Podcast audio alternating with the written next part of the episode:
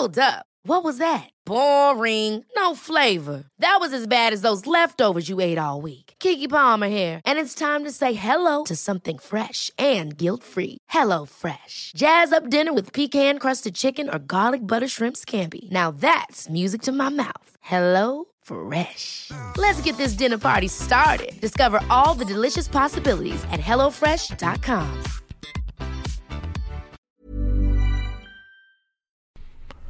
Jihad dödar muslimska människor. De flesta av de som var där var muslimer. Det var självklart, det fanns ju också kristna och det är multikulturellt område.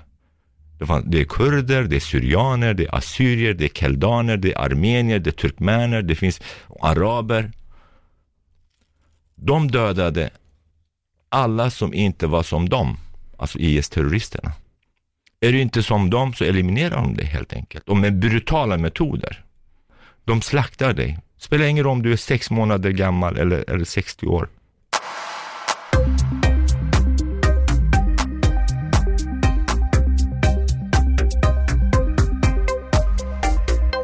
Dorpek Kobane, välkommen till Öppet sinne. Tack snälla. Eh, det här är ju en super, super speciell resa som du har gjort och eh, nu hamnar min podd eh, återigen i ett sånt här scenario som jag brukar kalla för en, en vändpunkt i ett helt nytt ämne. Du valde att lämna Sverige för att eh, åka till Syrien och eh, hjälpa till. Och jag låter egentligen dig öppna upp där. Din, din egen start. Jag tror nästan att vi till och med ska börja med när du själv var tvungen att fly Turkiet? Mm. Jag var 13 år gammal när jag lämnade Turkiet och jag är kurd från sydöstra delen av Turkiet. Eh, 1978-79 då började inbördeskriget, vilket avslutade 1980 med militärjuntan. Eh, min, mina två farbröder blev mördade. Eh, ena var ju stjärnadvokat. Vi var ju en välbärgad familj så att pappa ägde väldigt stora marker och så vidare.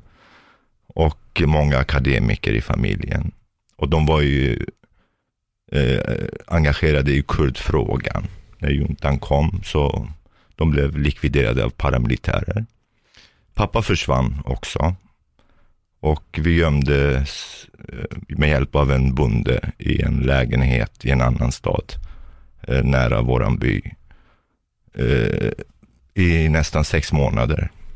Men sen mamma hjälpte mig med lite guld och pengar med hjälp av en annan bekant att fly till Istanbul och därav fly till ett land. Då, då hamnade jag i Sverige som ensamkommande flyktingbarn. Hur, hur gammal tror du att du var? Var du 13 år här? Jag var 13, 13, 13 och en halv. Vilka känslor och tankar var det som for genom dig när ni var tvungna att bara lämna allting? Jag brukar ju säga så här, om jag nu skulle skriva om de tre kommande dagarna som jag lämnade min mamma och mina små syskon. Jag skulle lätt kunna skriva tre böcker. Mm. För alla ensamkommande flyktingbarn har sin historia. De svårigheter, de hinder, de nätter, sömnlösa nätter och den, de eh, fruktansvärda eh, tankarna där man inte visste var man kommer att hamna, vad kommer att hända minuten efter. Farorna. Och som en 13-årig barn, förväntningarna. Och eh, saknaden av mamma och småsyskonen. Och när pappa var försvunnen och två farbröder mördade och över 30 eh, anhöriga var gripna. Och, och ovissheten. Så att eh, det går inte att beskriva. Jag skulle lätt kunna skriva två, tre böcker om det. Mm. Bara de tre kommande dagarna som jag lämnar familjen. Men hur som helst, jag var ju lycklig lottad så jag hamnade i Sverige. Jag visste inte ens, inte ens att Sverige fanns som land.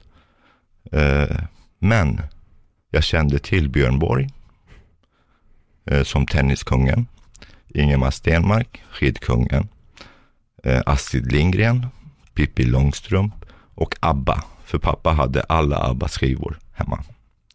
Och sen när jag fick veta att de här är verkligen från Sverige, det, det var ju en glädjens ögonblick för mig. Uh, att jag hamnade i ett land där jag kände ju en del kändisar. Det var ju...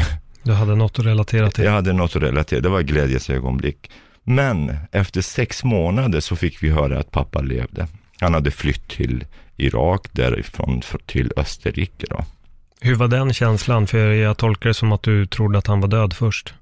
Han var ju försvunnen eftersom de flesta i närheten av oss var döda och försvann spårlöst. Så att man hade inga andra tankar att eh, de överlevde eller han överlevde.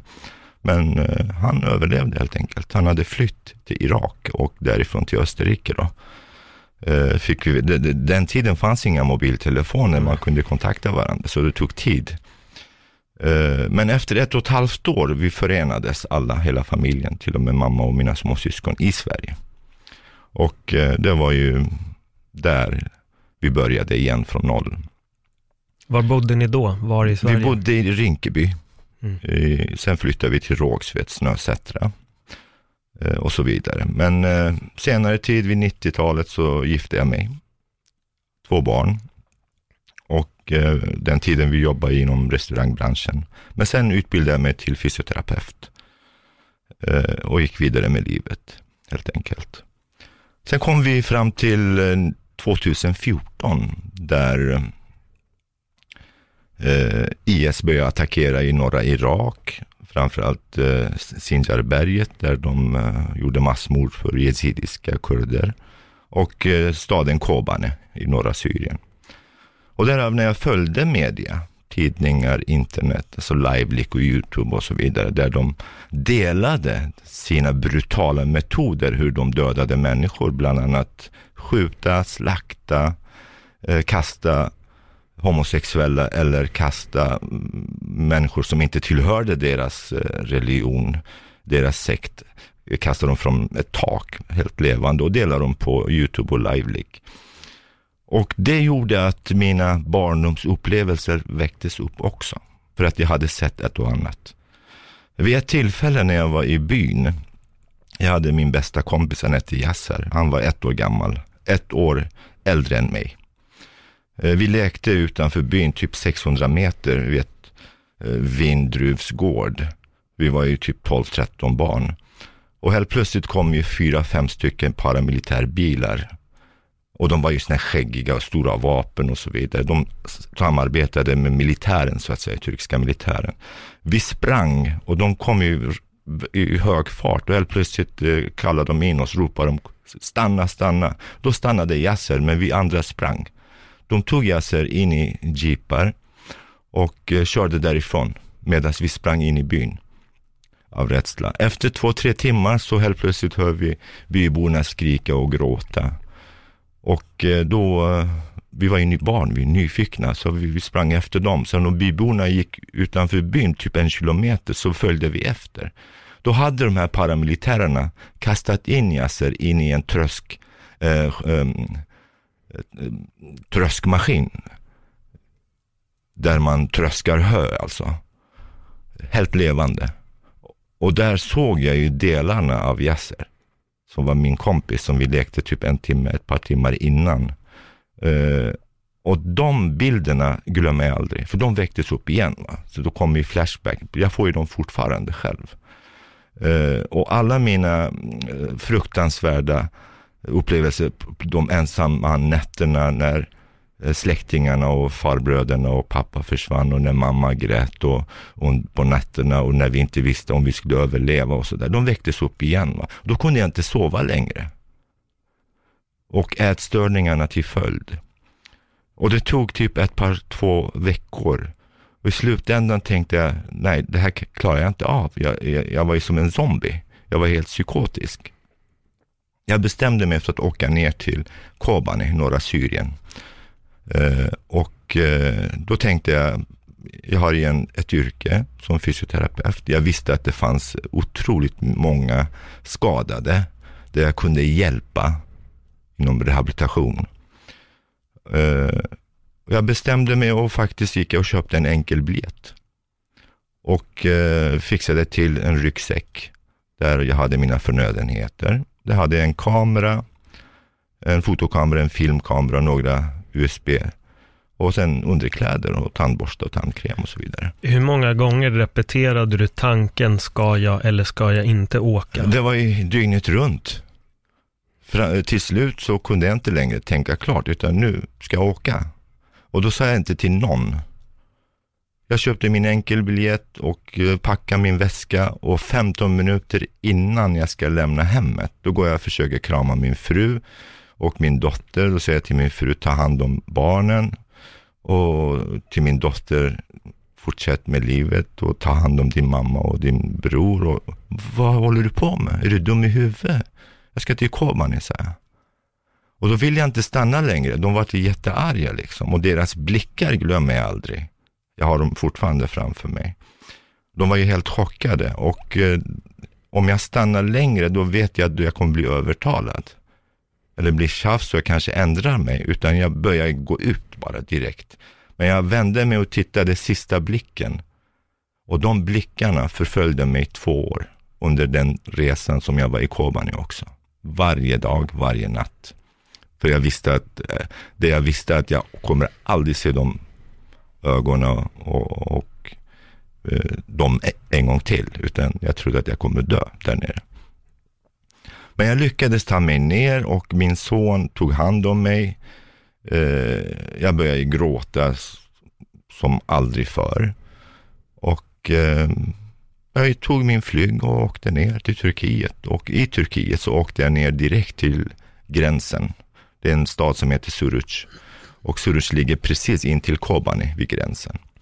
Och där kontaktade jag vissa människor som uh, kunde hjälpa mig att kunna ta in mig in i Kobani. För Kobani var totalt omringad av IS. Och gränsområdet var omringat av turkiska militären. Post militärposteringarna låg typ 500 meter ifrån varandra vid gränsen. Tungbeväpnade pansarfordon och sådär. Många blev dödade på gränsen där. Och risken att jag ska springa in, för jag, vi kommer springa in på en minfält mitt i natten mellan två militärposteringarna. Det var ju också livsfarligt. På andra sidan var det totalt blixtrande bomber och krig som jag aldrig har sett på, ens på filmer. Vid midnatt klockan 12.31 någonting, då var det dags. Så gick vi till gränsen och gränsen, vi ska ju springa ungefär 300-400 meter kanske. Men de 300-400 meterna,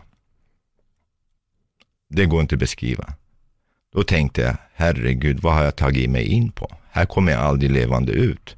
För jag kunde knappt andas, för det var ju eh, totalt krig på andra sidan, typ 300-400 meter framför oss.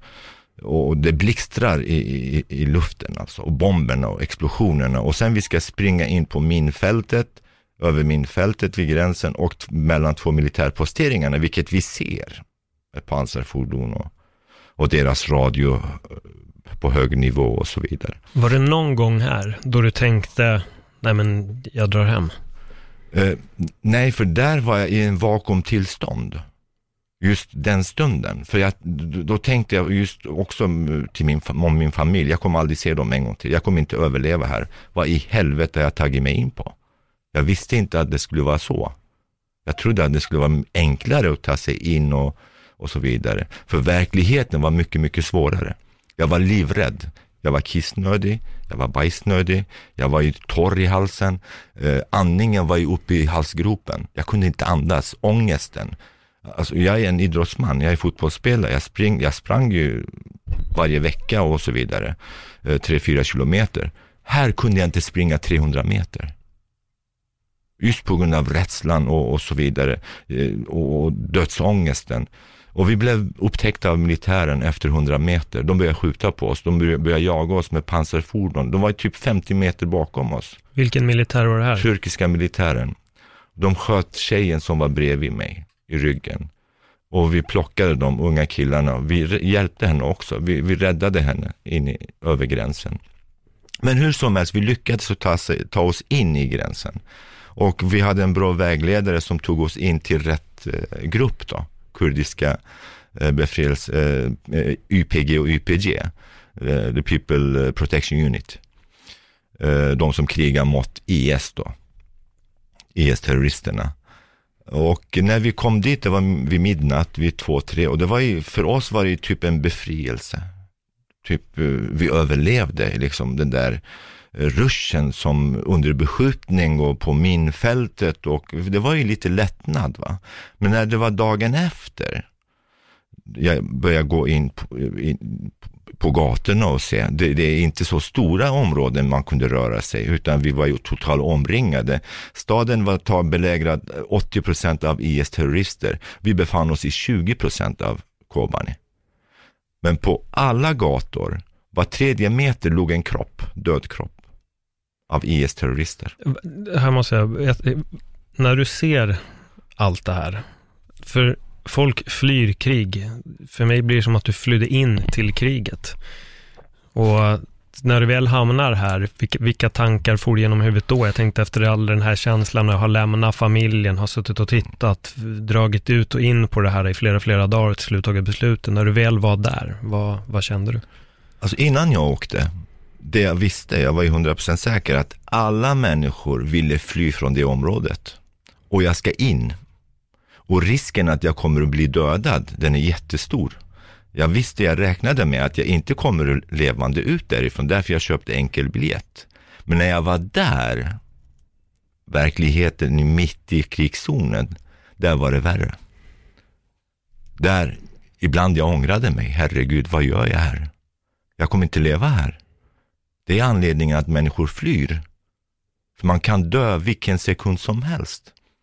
Vissa tider, efter, typ efter några veckor, när vi satt till exempel med, med fem, sex, sju killar eller tjejer tillsammans och pratade bara. En kvart, 20 minuter. När vi delade oss sen, jag gick till sjukhuset och de till sina positioner. Efter tre timmar kom tre eller fyra av deras kropp till sjukhuset. Många gånger haft, har jag haft upplevelser på det viset. Jag satt med en grupp och efter två timmar när vi delades och så efter två, tre timmar så kommer deras kropp istället, döda kropp. Och nästa gång var det min tur. Kan de dö, kan jag dö också. För att eh, de första två, tre månaderna jag berättar, dagen efter, det var kroppar överallt, alltså det var hundratals kroppar. Och människor från över 40 olika länder pratar vi om. Internationella, det var inte människor direkt från Syrien eller Irak. Utan det var människor från Sverige, från, från Tyskland, från Birmingham, från England, från, från Belgien, från Frankrike, från alla länder, från Tjetjenien, från, från Japan, från Malaysia, Indonesien, Afghanistan, Libyen. Vad gör de där? Jihad dödar muslimska människor. De flesta av de som var där var muslimer. Det var självklart, det fanns ju också kristna och det är multikulturellt område. Det är kurder, det är syrianer, det är assyrier, det är keldaner, det är armenier, det är turkmäner, det finns araber. De dödade alla som inte var som dem, alltså IS-terroristerna. Är du inte som dem så eliminerar de dig helt enkelt. Och med brutala metoder. De drar sig inte tillbaka. De slaktar dig. Spelar ingen roll om du är sex månader gammal eller, eller 60 år. De våldtar dig, spelar ingen roll om du är kille eller tjej, barn eller vuxen. Jag har varit vittne att de har våldtagit, de har tagit mannen under pistolhot och våldtagit hans dotter och fru framför hans ögon. Varför? Det är deras metoder, skrämselmetoder. Deras, eh, för dem, att, att, att göra sådana handlingar är okej. Okay. För enligt dem, deras sekt är den högsta. Men så är det inte. Det finns ingen Gud som säger att du ska gå och våldta och döda och slakta och, och, och bränna människor levande i burar. För jag var i måltavla där nere. Senare. För att jag fick, vi fick underrättelse. För, för jag, för jag hann ju efter eh, flera månader. Jag övertalade kantonansvariga eh, eh att jag måste bygga ett, ett centra ett sjukhus, rehabilitationscenter, där jag kan samla alla skadade, där jag kan jobba som bäst. För att jag sprang mellan olika sjukhem som var långt ifrån varandra. I varje hem låg kanske 15-20 stycken skadade utan att någon gjorde någonting. De bara låg där. Och de blev ju sämre kroppsligt. När jag kom in i bilden, då började jag rehabilitera dem. Allmän mobilisering, rörelseträning, råd, regim, bandagering, första hjälpen, Och i slutändan började jag assistera läkarna, i slutändan började jag agera som läkare. Jag var psykologen, jag var psykiatern, jag var apotekaren, jag var kompisen, jag var coachen. Men ibland var jag krigaren också, för vi var under attack. Vi var tvungna också kunna försvara oss, våra skadade. Vem tog hand om dig? Vem var din kompis? Vem var din terapeut? Eh, det var egentligen människorna där, för jag brukar säga så här, va? i krig det finns inga hjältar. De som vi kallar för hjältar, de är döda, de är begravda. Kyrkogårdarna är fulla med hjältar på krigsområden, första fronten. Hjältarna såg jag där. Det var de som utan att ifrågasätta ditt etnicitet, din religion, din sexuell läggning, din språk eller din färg, som samarbetar emot de här terroristerna. Som samarbetar emot de här icke-humana varelserna som dödade. När jag fick träffa den gruppen, då fick jag min plats där. Där fick jag både mod och att eh, bekämpa tillsammans med dem. Och det gjorde mig att jag kunde också stanna längre. Jag vet inte om jag kunde ge dig svaret. Uh, nej, jag, jag blir så inne i, i hela historien. Nej, men jag förstår lite vad du menar, mm. såklart, för ni blir en enad grupp och då finns det en stöttning ifrån varandra. Ja, och där, den gruppen var hjältarna. Mm. Utan att ifrågasätta om pengar, kläder eller förväntningar. Eller de frågar aldrig vilken etnicitet du är. Om du är homosexuell eller bisexuell eller heterosexuell, nej. De var ett. De hjälpte varandra solidariskt emot terrorismen. Det var just därför de övervann och de eliminerade IS-terroristerna på marken. Eh, får jag bara fråga, jag, jag vill, eh, jag är ute efter lite mer information om IS. Vad är, alltså vad är deras ideologi? För att vi, vi vidrörde det mm. när du började prata om det, men om vi kan gå in lite, lite mer i vad är deras ideologi? Vad är det de vill? Vad är det de, vad är det de tror? Mm. Alltså deras grunder, det är ju, det är ju sharia-lagarna. Det totala sharia-lagarna, att kunna verkställa det. Och leva i typ 1700 år tillbaka i den tiden. Eh, då profeterna levde. Och, eh, och de har förvrängt allting till sin fördel. För IS fanns inte. IS är ganska ny. Va? IS liksom skapades efter eh, 2008 eller 2010 i Irak. Va? Förut var det Al-Qaida. Det här är en förgrening, en ultraförgrening, ännu radikalare. Va? Så att de skapades på något sätt.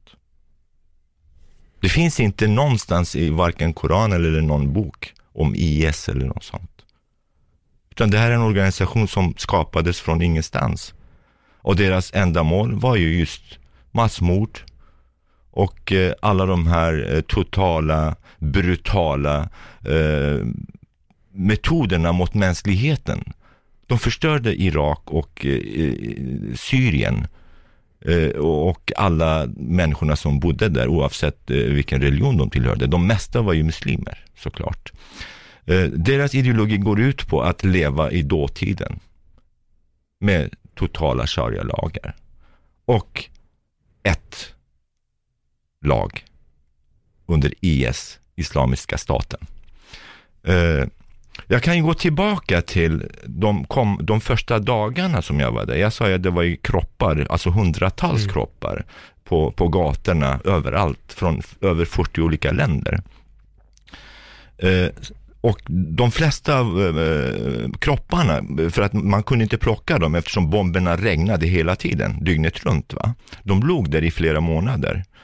Eh, nästan tre, fyra månader låg de på gatan. Kropparna, det luktade. Eh, och hundarna, katterna, de åt av kropparna. Jag har tagit kort på dem och filmat dem också. Jag har material för det. Eh,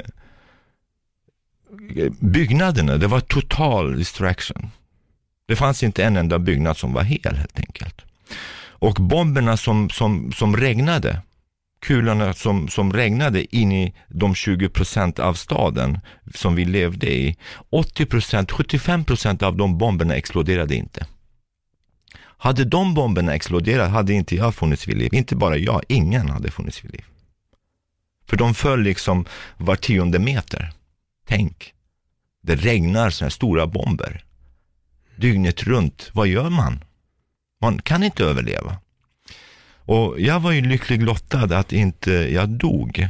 Jag förlorade tiotals vänner bredvid mig. Just av de bomberna och skjutningarna. Uh, hur, ja. hur, hanterade du det? Alltså stängde du av de känslorna eller kom de? Alltså grät du, grät du inte? Alltså det, det, är en, det är en svår situation att berätta. Självklart jag grät. Jag håller på explosionsnivå av rädsla att nästa steg kommer jag dö. Eh, de första två månaderna kan jag tala om för dig, jag var livrädd. För att nu kunde jag inte heller gå ut från landet. Inte för att jag ville, utan även om jag ville kunde jag inte gå ut för att eh, det, fann, det, var omöjligt. Va? Eh, F, mat fanns inte heller. För att det fanns i konservburkar, va? ruttna konservburkar. Men vi var aldrig hungriga eftersom adrenalinkicken var ju på hög nivå. Vi, all, ingen klagade och vi, vi, vi fördelade det vi hade också. Dricksvatten, brist på det. Toaletterna fanns inte, inget, inget fungerande någonstans, utan man gjorde sina behov i naturen där man fick tillfälle och så vidare. Men man kämpade för fullt och jag övervann rädslan efter först efter två, tre månader. Det var först när jag började förlora mina vänner bredvid mig. Då var jag inte rädd längre, utan nu ska jag bekämpa det här. Ibland var avståndet mellan oss och IS-terroristerna 10-15 meter. Kan du tänka dig? De skriker tekbir Allahu Ekber, tekbir Allahu Ekber. Och våra tjejer, kurdiska tjejer, de svarar med tilililililili. Då var de livrädda. Deras största fiende, största rädsla var ju kurdiska kvinnorna. Eftersom om de blev mördade av kurdiska kvinnorna, då skulle de inte hamna i, i paradiset. Ja, det där visste inte ja, att precis. Så. Och så när de skrek tekbir Allahu Ekber, då våra flickor svarade tililililili var livrädda. Vi, vi kunde lyssna på deras walkie-talkie. Ibland kunde de, deras, det högsta emir kunde eh, ge dem order. Varför går ni inte framåt? Och så svarar de. Det, det är tjejer framför oss, det är kurdiska tjejer framför oss. Av rädsla kunde de inte komma fram. Vad är det som gör att om en kvinna mördar dem eller skjuter och har ihjäl dem så de inte hamnar i paradiset? Enligt, det, enligt dem så hamnar de inte det i paradiset. Så enligt, vid ett tillfälle var de eh, eh tillfångatagna, 32 stycken av dem. En del var skadade, en del var icke skadade. Och, eh, och det var ju faktiskt kurdiska YPG, tjejbrigaden, som hade tagit dem som gisslan.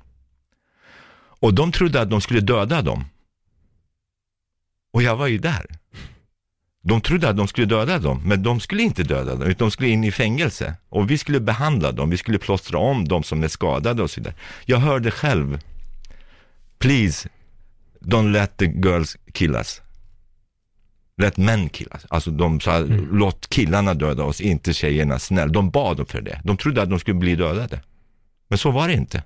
Utan vi tog de skadade till sjukhuset, plåstrade om dem och sen till förhör och så till fängelse. Så efter allt det de själva gör, det du har berättat, slänger ut folk, tänder eld på folk, hugger av huvudet, sen sitter de själva i panikslagna för att eventuellt bli mördade av en kvinna? De var livrädda. Mm. De var livrädda. Du vet, eh, i Kobani-revolutionen, där upproret, där eh, kämpaandan, kurdiska eh, civila visade mot IS-terroristerna, den största revolutionen i revolutionen, det var kvinnorörelsen. Kvinnorna tog sin plats. Det här var fantastiskt. Det var helt otroligt. Det var ingen tvång på sjal eller så, utan vi hade kvinnor med byxor, utan sjal och med vapen. De tog sin plats på första fronten, på sjukhuset, på gatan, på politisk nivå, på regeringsnivå, på alla nivåer. Kvinnorna var de absolut viktigaste detaljen i just den här revolutionen. Och det såg jag också, det har jag försökt förklara i min bok, Kobani-syndromet. För där såg jag vad kvinnorna kan göra. Att vi vann, att kurderna övervann kriget mot IS på marken i både Kobani och Rojava, norra Syrien. Det var tack på grund av faktiskt kvinnorörelsen, kvinnorna Hur startades den? Den startades helt plötsligt, för det fanns inga krav. För, för, för kurderna, de är ganska moderna. De bor i Mellanöstern, men de har en europeisk eh, kultur, alltså de är moderna, det är inga krav. Som jag sa till dig, det var inga som frågade eh, eller ifrågasatte vilken etnicitet du har, vilken färg du har, vilket språk du har, vilken sexuell läggning du har. Alla samarbetade. Att du är kvinna, du får inte göra det här, existerade inte. För kvinnorna och männen fanns på samma frontlinje. Jag kan säga så här, ungefär 40-50 procent av alla krigare var kvinnor. Och inte bara det, på sjukhuset, de som hjälpte till logistiken, hjälpte med maten. Du vet, krig är inte bara vapen. Nej. Det är en ganska stor organisation alltså. Och alla är under, eh, under hot. Alla kan bli dödade när som helst.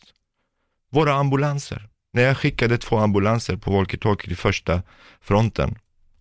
En lastbil kommer mellan lastbilsbomb, alltså bomb, lastbil, bilbomb.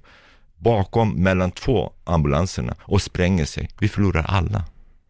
Sjuksköterskorna som jag jobbar med. Sjuksköterskorna, läkarna som vi samarbetade med, som vi hjälpte människor, de var borta. Att när vi fick den där från walkie-talkie och, och där försvann ju hela eh, eh, meningen med livet för mig. För jag förlorade mina närmaste vänner, samarbetare. Min chaufför med tre av sina kusiner blev stoppad med, av IS-terrorister som hade klätt sig som kurdiska YPG. De trodde att det var kurder. De stannade och de blev gripna. De slaktade dem på plats. Min, min chaufför och min vakt, sjukhuset, 19 år gammal, med tre av sina kusiner. Så, så de här kan man inte, alltså jag har förlorat över 90-95 procent av mina vänner där, just av de här terroristerna. Och de här eh, eh, vännerna, de var ju 18, 19, 20, 25 år gamla. De, de var inte äldre. Var det folk som var ifrån Kobane eller var det folk som hade gjort samma resa som dig? Att de Nej, det var, de flesta var ju från Kobane. Det fanns ju folk också från turkiska sidan, från iranska kurder, irakiska kurder som var där. Ungdomar som ville hjälpa kurderna, hjälpa människorna där. Det var också syrianer, assyrier som hade beväpnat sig och, tillsammans med kurder. Det fanns en del armenier. Det fanns faktiskt en del turkmener som var med och en del araber också som hade eh, gått in i organisationen med kurderna mot IS. Så det var inte bara kurder. Men de hade samlats under YPG, vilket är manliga eh, organisationen, eh, eh, beväpnade, the, the People Protection Unit, och, och YPG, det, det kvinnliga. Jag träffade på också arabiska kvinnor som hade tagit till vapen och gått in med kurderna tillsammans och krigat mot IS. Det var fantastiskt. Och jag glömmer aldrig, jag har beskrivit om en arabisk tjej i min bok Kobane-syndromet. Jag frågade henne och hon talade om för mig. Det är först nu jag vet hur livet är. Jag har aldrig i mitt liv gått hemifrån utan att få lov. Jag har inte kunnat gå någonstans bara till grannen och det enda jag har gjort i hemmet, laga mat och diska och städat. När jag har varit sjuk, ingen, ingen har frågat mig, ska jag ta dig till läkaren? När jag hade ont någonstans, ingen har frågat mig, kan jag hjälpa dig någonting i hemmet? Men nu, när jag har ont i fingret, tio vänner kommer till mig och plåstrar om mig och hjälper mig. När jag talar, 50 personer, även killar, lyssnar på mig. Jag kommer att kämpa hela mitt liv för att se till att alla arabiska tjejer och kvinnor befrias och kommer till livet som jag är just nu. Går med oss emot fanatismen, emot extremismen, emot IS-terrorismen.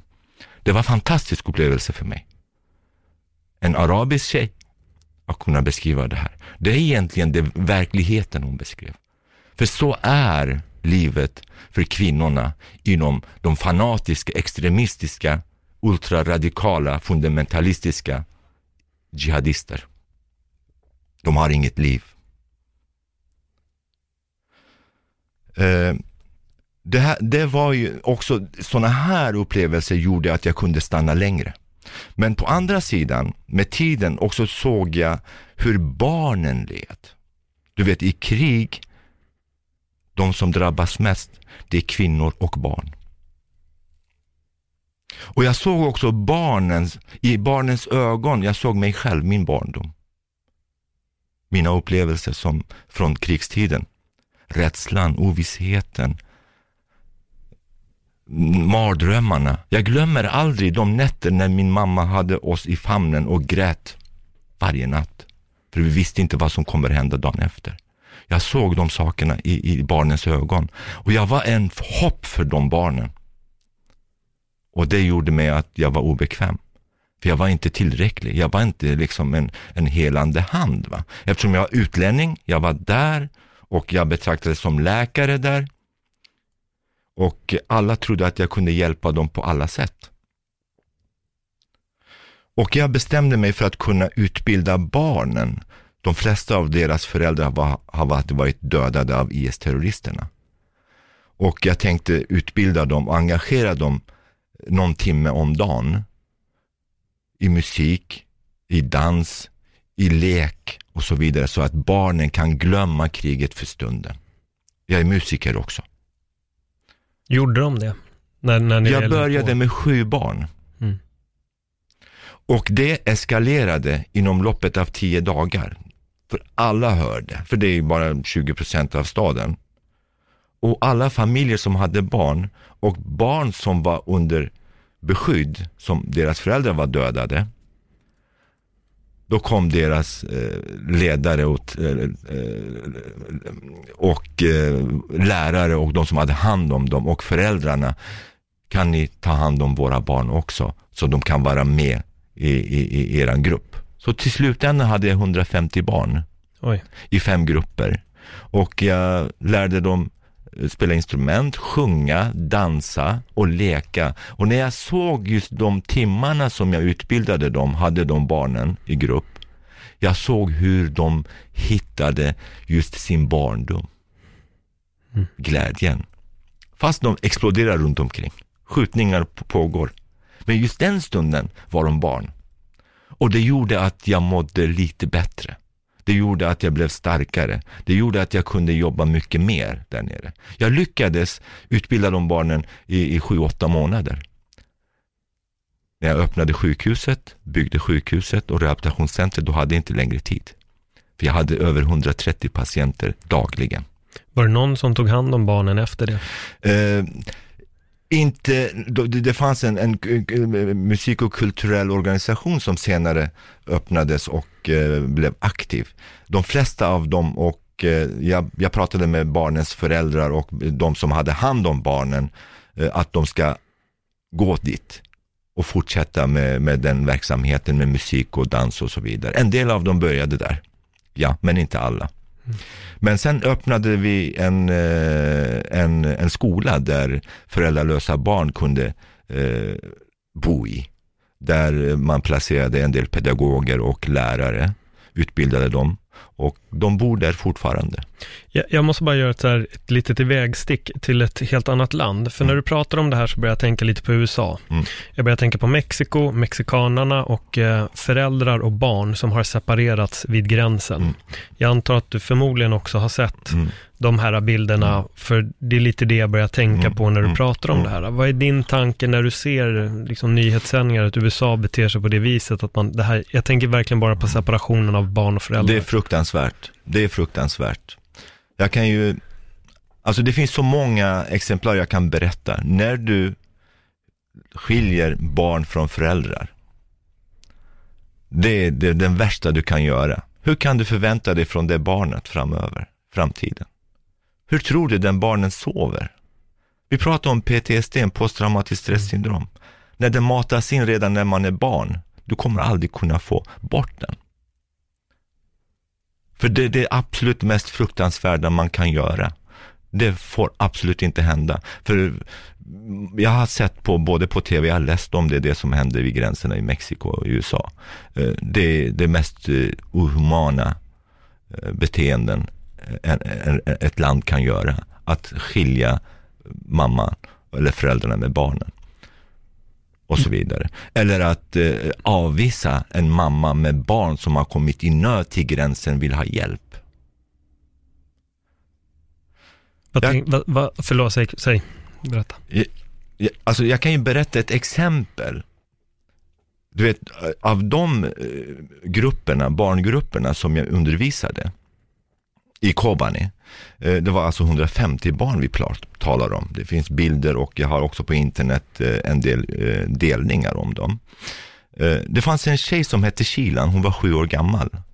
Hon kom med sin pappa och mamma och sin lillebror. Hon hade antagligen hört av grannbarnen att vi har börjat med en grupp för musik och dans och lek. Då hade hon frågat sin mamma och pappa, snälla kan inte du se till att också jag kommer in i gruppen? Då kommer mamman och pappan med dem tillsammans. Jag glömmer aldrig den stunden. Och pappan frågar mig, eh, mammoste, mammoste betyder lärare och doktor. Eh, kan du vara snäll och också låta våra barn komma med i gruppen, i din eh, musik och barngrupp? Och där märker jag, för jag tittar ju på barnen också, jag märker hur de väntar, du vet hur barnen så här hoppar och väntar och tittar på varandra och medan lillebror håller i, i systern och de förväntar sig att jag ska säga ja. Och då säger jag självfallet ja. Och när jag säger så, då ser jag hur Kilan och eh, lillebrodern kramar varandra och hoppar av glädje. Och jag glömmer aldrig den stunden. Hon var så lekfull. Hon var så organiserad. Hon var så mån om sina vänner. Hon var duktig att sjunga. Lätt att ta in. Efter två månader, 25 juni 2015, vi blev reattackerade av IS. För Kobani blev befriat 26 januari. För vi började återuppbygga Kobani. Men 25 juni, efter fem månader, vi blev reattackerade från alla håll. De hade redan tagit alla strategiska områden i, centralt i Kobani, alla höga punkter. De hade placerat prickskyttar och allting. De hade gått in i husen, slaktat människor redan klockan 12 på natten utan att vi visste om det. Och det var kaos. De första tre timmarna de lyckades döda 252 personer av civila. Då pratar vi om barn, familjer, civila helt. De, hade, de sköt på alla som rörde sig. På sjukhuset dagen efter, vi tar, för kriget pågick fyra dagar. Eh, och det är bombningar och självmordsbombar och det är explosioner och det var rena rama, vi trodde inte att eh, vi skulle överleva den, de dagarna helt enkelt. De var ju överallt. Men de lyckades efter fyra dagar, kurdiska befrielsefronten, YPG och YPG, eliminera dem och också eh, eh, gisslan ta över 27 personer. Från folk från Egypten, Libyen, Afghanistan. Det var många utlänningar där. Och så vidare. Men 25 på morgonen klockan 9-10, då kommer en pickup. Då stoppar vi alla bilar 100 meter ifrån sjukhuset eftersom bilbomber och folk kommer, för det är ett mål. Va? Eh, och då chauffören skriker och gråter, snälla doktor, de är döda, de är döda, låt oss komma in. Jag, jag stanna där. Så gick vi och tittade och det en man, en kvinna och så ett litet barn. Blodiga, de är döda alltså. Så helt plötsligt såg jag någonting rör sig på kvinnan. Liksom det är andningen, så här, explosionsartad andning. Alltså, det är en liten tjej som är på kvinnan. Jag sa till chauffören, hon lever ju, vem är det? Ja, ja, hon är inte skadad, det är hennes dotter, vi kunde inte få bort henne. Snälla, sa jag, ta bort henne. Gör det, vi kan inte. Och han grät ju helt febrilt. Och jag försökte, det gick inte. Jag försökte och försökte och försökte. Till slut när jag lyckades. Jag tog hennes händer och så drog och, och medan jag drar, jag känner hur hennes andning börjar, ångest och eh, explosionsartad andning vibrera i min kropp och överta min kropp också. Och jag drog henne och lyfte henne och så jag vände henne och då var det kylan. Vi kommer öga mot öga och, eh, och då försvinner hela jordklotet från mig. Och då helt plötsligt hon bara, ma, ma. Antagligen hon försökte säga mamoste, vilket betyder lärare. Eller hon skulle säga mamma. Man kan säga mamma på kurdiska också. Och då försvann allt. Jag började krama henne och hennes andning, hon kan inte, hon är helt torr, hon, är, hon exploderar alltså, ångesten. Och jag glömde kriget. Jag tog henne och satte mig vid kanten.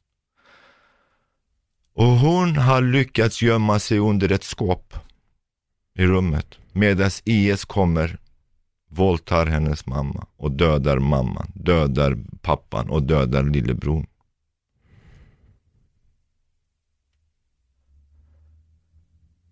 Och där, jag, när jag satt mig, det här kommer jag ta reda på senare. Och där försvann allt. Alltså jag var i en vakuum, för att jag försvann i någon 30 sekunder eller en minut, vet jag inte. Jag vet att sjuksköterskorna kom och försökte ta barnet från mig, eh, kilan från mig och eh, reste mig upp. Och där tittade jag uppåt. Tittade jag upp mot himlen. Och där skrek jag. Var är du? För det här var oskyldiga människor. Det här var människor som var fina, de här människor som inte har skadat en fluga. För där var ju mitt skrik, mitt rop uppåt. Visa dig. Hjälp oss. När du ropar på det, Det jag vill komma tillbaks till, du pratade om, om, om att skilja barn från föräldrarna. Jag behandlade tillsammans med min team på sjukhuset och i hemmet i sex månader kilan. För att kunna sova, för att kunna äta, för att kunna, kunna komma in i samhället igen, för att kunna fortsätta sitt liv. Vi fick inte ett ord från henne förrän sex månader. Vad sa hon då? Det var då när vi hämtade lite mat. Då frågade jag, är du hungrig? Vill du också äta? Ja. Så la jag fram. Är det bra det här? Ja, det är bra. Sen gick jag därifrån. Det var starten, för jag ville inte vara på. Och där började prata. Men hon var ju alltid tilldragen bakåt. Hon såg familjer med barn. Hon ville inte gå ut, hon ville inte titta på dem, hon ville inte så. Vad tror du? Hur tror du Kilan mår? Ja, det är verkligen min fråga. Hur mår hon Mm. idag? För hon Ja, måste ju... Hon lever. Mm. Hon är hos sina eh, moster och faster och eh, släktingar. Och de mår inte heller bra, just på grund av hennes tillstånd. Hur tror du hennes liv kommer att vara framöver? Tror du Kilan är ensam? Nej, långt ifrån. Vi pratar om miljoner människor, nu pratar vi om Mexiko. Nu Mm. pratar vi om deras föräldrar var döda. Tror du det är någon skillnad om de är döda eller inte? Eller Mm. de skiljs från varandra? Nej. För jag också, mina upplevelser när jag skilde från min mamma när pappa var borta, alla farbröder var dödade. Och mina små syskon. Jag trodde inte att jag skulle träffa min mamma en gång till, mina små syskon. Jag kunde inte sova som 13-åring. Med de svårigheter som man möter.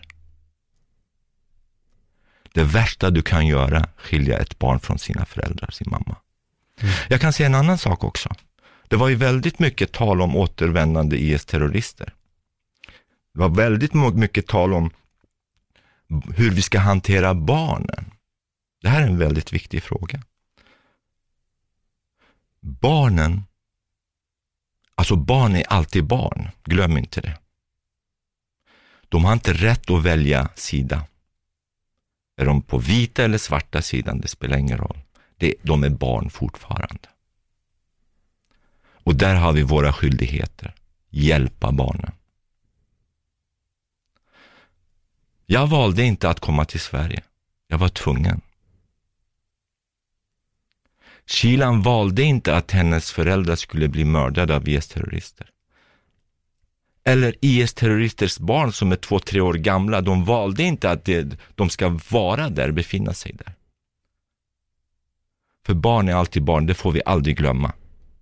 Och eh, sen frågan är, hur gammal får de vara? Och det får vi diskutera. För mig, barn är det upp till sju år, åtta år, upp till tio år. Och de behöver stöd. Professionellt stöd. För att återta sitt vanliga liv. För att kunna anpassa sig, kunna leva vidare. Och det är en väldigt svår process kan jag säga.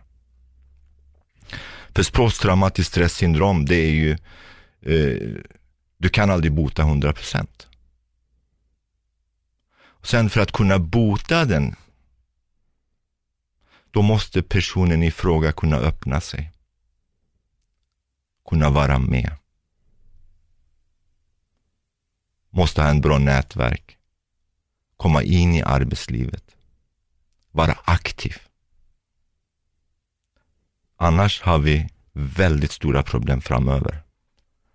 För en som har grav posttraumatiskt stresssyndrom, den påverkar först individen, sen automatiskt familjen, sen sin omgivning och därav systemet, hela samhället. Vi talar om miljontals barn, miljontals människor som har lämnat sina länder. Tror du människor vill lämna sitt land frivilligt? Lämna sitt hem och sina ägodelar och sitt yrke och allting, bara fly, börja från noll? Aldrig.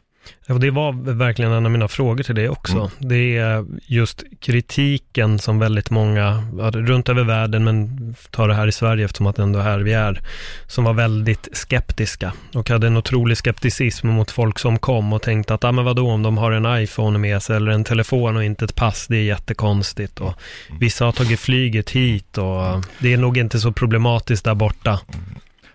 Alltså, man ska ta hand om människor i nöd. Det är ett måste. Vi har skyldigheter att ta hand om människor i nöd. Men vi har också skyldigheter att kunna berätta för de människorna hur vårt samhälle fungerar. Vi har också skyldigheter att kunna utbilda de människorna. Språket, har de inget yrke för att komma kunna komma in i arbetslivet, lära dem praktisk, praktiska utbildnings, grundutbildning, till exempel som snickare, målare eller vad som helst. Så att de kan komma in i samhället. Vi kan inte ta emot barn eller människor i, i, i, i, från katastrofområden och bara placera på ett område och lämna dem i sticket. För vi måste veta att de här människorna när de har flytt, de har flytt med ett stort problem i sitt inre. 60-70 procent av dem har posttraumatiskt stresssyndrom. De flesta av dem har förlorat sina anhöriga, nära anhöriga, vänner. De har säkert drabbats av flashbacks, ätstörningar, sömnstörningar, alltså posttraumatiskt stresssyndrom. Och när den börjar eskalera, det kan ha påföljder som kan störa systemet och samhället. Vilket vi har just nu i vissa förorter. Den kriminella vågen. Människorna som har svårt att anpassa sig, det är inte deras fel. Det är vårt fel. Det är våra politiker som har misslyckats med integrationen. Barnen som har iPhone med sig, vad är en iPhone? Herregud, vi pratar om ett liv. När man lämnar sitt land, det är på grund av antingen är du förföljd, riskerar döden, fängelse, politiska svårigheter där du inte är accepterad i det systemet. Du flyr. Du vill leva i fred i en demokratisk land och det är därför du har tagit tillväga och de svårigheterna och flytt ditt land. Lämnat allt bakom dig. Och självfallet, man ska ta hand om dem. Med de resurser man har. Men man, man måste vara medveten om, har en person lämnat en krigsområde, den här personen har ett problem. Och då, det problemet måste tas hand om. På vilket sätt då? Ja, på utbildningar, KBT till exempel, de första sex månaderna. Och försöka fråga eh, dem hur vi kan hjälpa dig för att du ska ta eh, steget in i samhället. Eh, vi har egentligen inte de resurserna. Om jag ska vara ärlig. För vi talar om hundratusentals människor. För hade det varit ett par tusen människor, det är en annan sak. Men vi måste vara förberedda för det. Om jag berättar om prognosen där våra små brottslingar, om du går till våra öppenvårdsmottagningarna, hur många procent är progress? Det är inte många. Maximum det är 15, 20, 30 procent. Återfall på återfall. Det går inte liksom bota eh, vissa symptom under kor kortsiktigt. Eh, alltså det här är en svår process där eh, våra politiker måste eh, hantera på rätt sätt. Det viktigaste att de lär sig språket, att de får lära sig grundläggande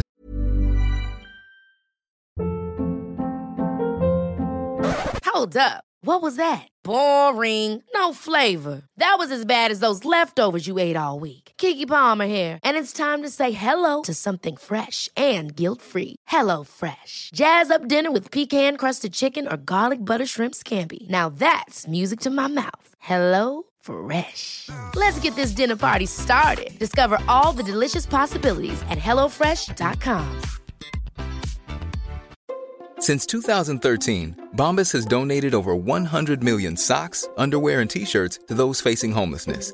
If we counted those on air, this ad would last over 1,157 days. But if we counted the time it takes to make a donation possible, it would take just a few clicks. Because every time you make a purchase, Bombas donates an item to someone who needs it.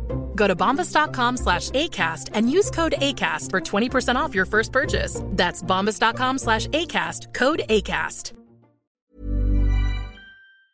Samhällskunskap, hur vårt samhälle fungerar. Det viktigaste är också hur är att leva i friheten. För de har aldrig varit fria. De har aldrig yttrat sig. De har aldrig sagt det de ville.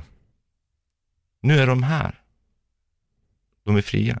Då måste de också veta hur det fungerar.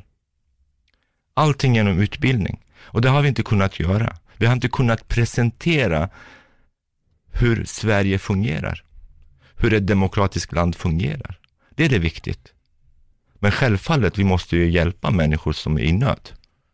Barn eller familjer, det spelar ingen roll, men de som drabbas mest, det är barn och kvinnor. I alla krisområden. Hur är det med din egen PTSD idag? Alltså jag går ju fortfarande på behandling, jag får ju mediciner. För att när jag kom till Sverige, eh, lämnade Kobani, eh, och kom till Sverige, då, då fanns ingenting. Jag hade inga mardrömmar, jag hade inga konstigheter, så att säga. inga flashback, inga sömnstörningar eh, och så vidare. Eh, efter 10-15 dagar, då var det en tyngdhetskänsla, plötsligt, i hemmet. Jag kunde inte resa mig. Flashbacken började rasa in. Jag var livrädd. Vad är det som händer mig?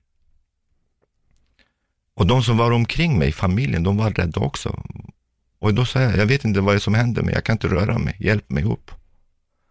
De hjälpte mig upp, gick tvätta ansiktet och så vidare. Jag är helt borta, flashbacken rasar. Och när jag får flashbacken, jag får ett ljud också. Typ hy, hy. Och det, var, det gjorde att de som var omkring mig var livrädda. Vad är det som händer? Jag väntade mig det. Jag blev också tillsagd av mina nära vänner att det kan komma PTSD plötsligt. Natten, den dagen som jag började känna trötthetskänslan, den natten, jag låg och sov hemma hos min familj. Och så helt plötsligt, jag började skrika. Var är mitt vapen? De har omringat oss. Ta era positioner, IS är överallt, kom igen, kom igen. Och jag skriker som en galning. Och jag letar efter ett vapen för att kunna försvara mig mot IS-terroristerna, för de har omringat oss. Och, och helt plötsligt eh, känner jag att eh, en lampa lyser. Jag skriker fortfarande samma saker. Jag ser en, en modern kök framför mig. Jag hör ett ljud. Mamma, mamma, vad är det som händer pappa? Och jag hör ett annat vuxenljud. Åh, vad är det som händer dig? Vad gör du? Vi är rädda. Vad, vad gör du? Det är min fru. Jag hör. Då tänker jag, vad gör de här? Mitt i kriget. Jag skriker, vad gör ni? Och så, och så helt plötsligt ser jag min fru framför mig. Vid dörren lite långt bort. Hon vågar inte komma i närheten. Och jag står halvnaken i köket och skriker, gapar och skriker, letar efter vapen. IS har omringat oss. Och då börjar jag inse att det här är en mardröm. Jag vågar inte säga ett ord. Jag smiter in i sängen och lägger mig medan jag hör hur min dotter och fru pratar och hur rädda de är och mamma, vad kommer att hända? Vad håller han på med? Jag vågar inte sova och så vidare. Jag sov inte den natten alls, för jag vill, vågade inte sova, för, för jag tänkte om jag sover, jag kommer gå in i drömmen igen. Så jag stod, låg där hela natten tills dagen efter. Första jag gjorde, det var psykiater. Och då fick jag PTSD direkt. Efter ett par eh, besök. Då fick jag mediciner. Vad är det för medicin? Alltså det är avslappnande, det är, det är antidepressiva samt sömnmediciner. Så det är tunga mediciner. Hur funkar det? Tycker du att det hjälper? Det hjälpte faktiskt med tiden. Och sen också att jag är öppen och talar om det. Det hjälpte mig väldigt mycket. Mm. Jag, jag berättar om allting och allt som har hänt och det har varit som också en behandling för mig.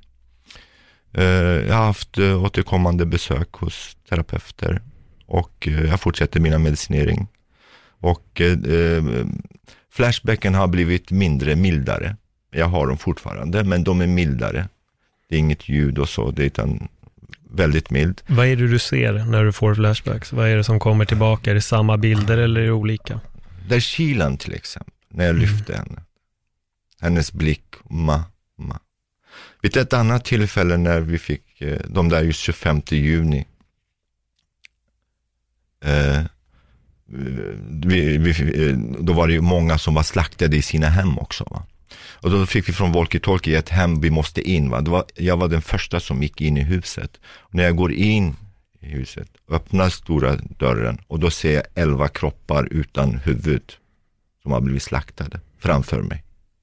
Fyra av dem är barn. Två tjejer och två killar. Det är från tre år till fem, sexåringar. Och när jag går lite längre in, jag, alltså jag fick rysningar, jag får rysningar just nu. Jag går lite längre in och på vänster sida, då står det elva huvuden som schackpjäser. De har placerat dem, precis som schackpjäser. Och min uppgift då är att ta huvuden och placera till rätt kropp. Då. Jag tar barnens, mina vänner tar andra och så vidare. Vi måste ta dem till sjukhuset, till bårhuset. Och när jag tar barnens huvud och jag kommer framför dem och där, där har jag svårt att se vilket huvud tillhör till vilken kropp. Där försvann allting också. Där föll jag ner. Det var också andra gången jag, jag skrek upp. Visa dig vad det är. Det var ju en upplevelse som, det går inte att beskriva för jag var slut som människa. Och jag var ju, jag var ju liksom, eh, jag var inte med längre. Utan jag var ju, varför dör inte jag? Varför måste jag uppleva sånt där? Jag får det som flashback. Jag får också som flashback en annan liten tjej som var, de var två tjejer, fyra, fem, tre, fyra åringar, de kunde knappt prata. Också de kom med en pickup med eh, ett, eh, två kroppar där hennes mamma och pappa är döda och jag hade vit rock, läkarrocken på mig. Och då chauffören säger de är döda och medan jag pratar och han gråter, det är en nära anhörig va. Och eh, jag kramar honom och tittar i bilen, de är döda, helt blodiga. Och så medan jag pratar, helt plötsligt ser jag, känner jag att någon håller i mitt ben. Och då vänder jag och tittar och det är två små knattar, två små tjejer. Tre, fyraåringar. Och ryskar mitt ben, snälla doktor, låt min mamma leva, hjälp min mamma.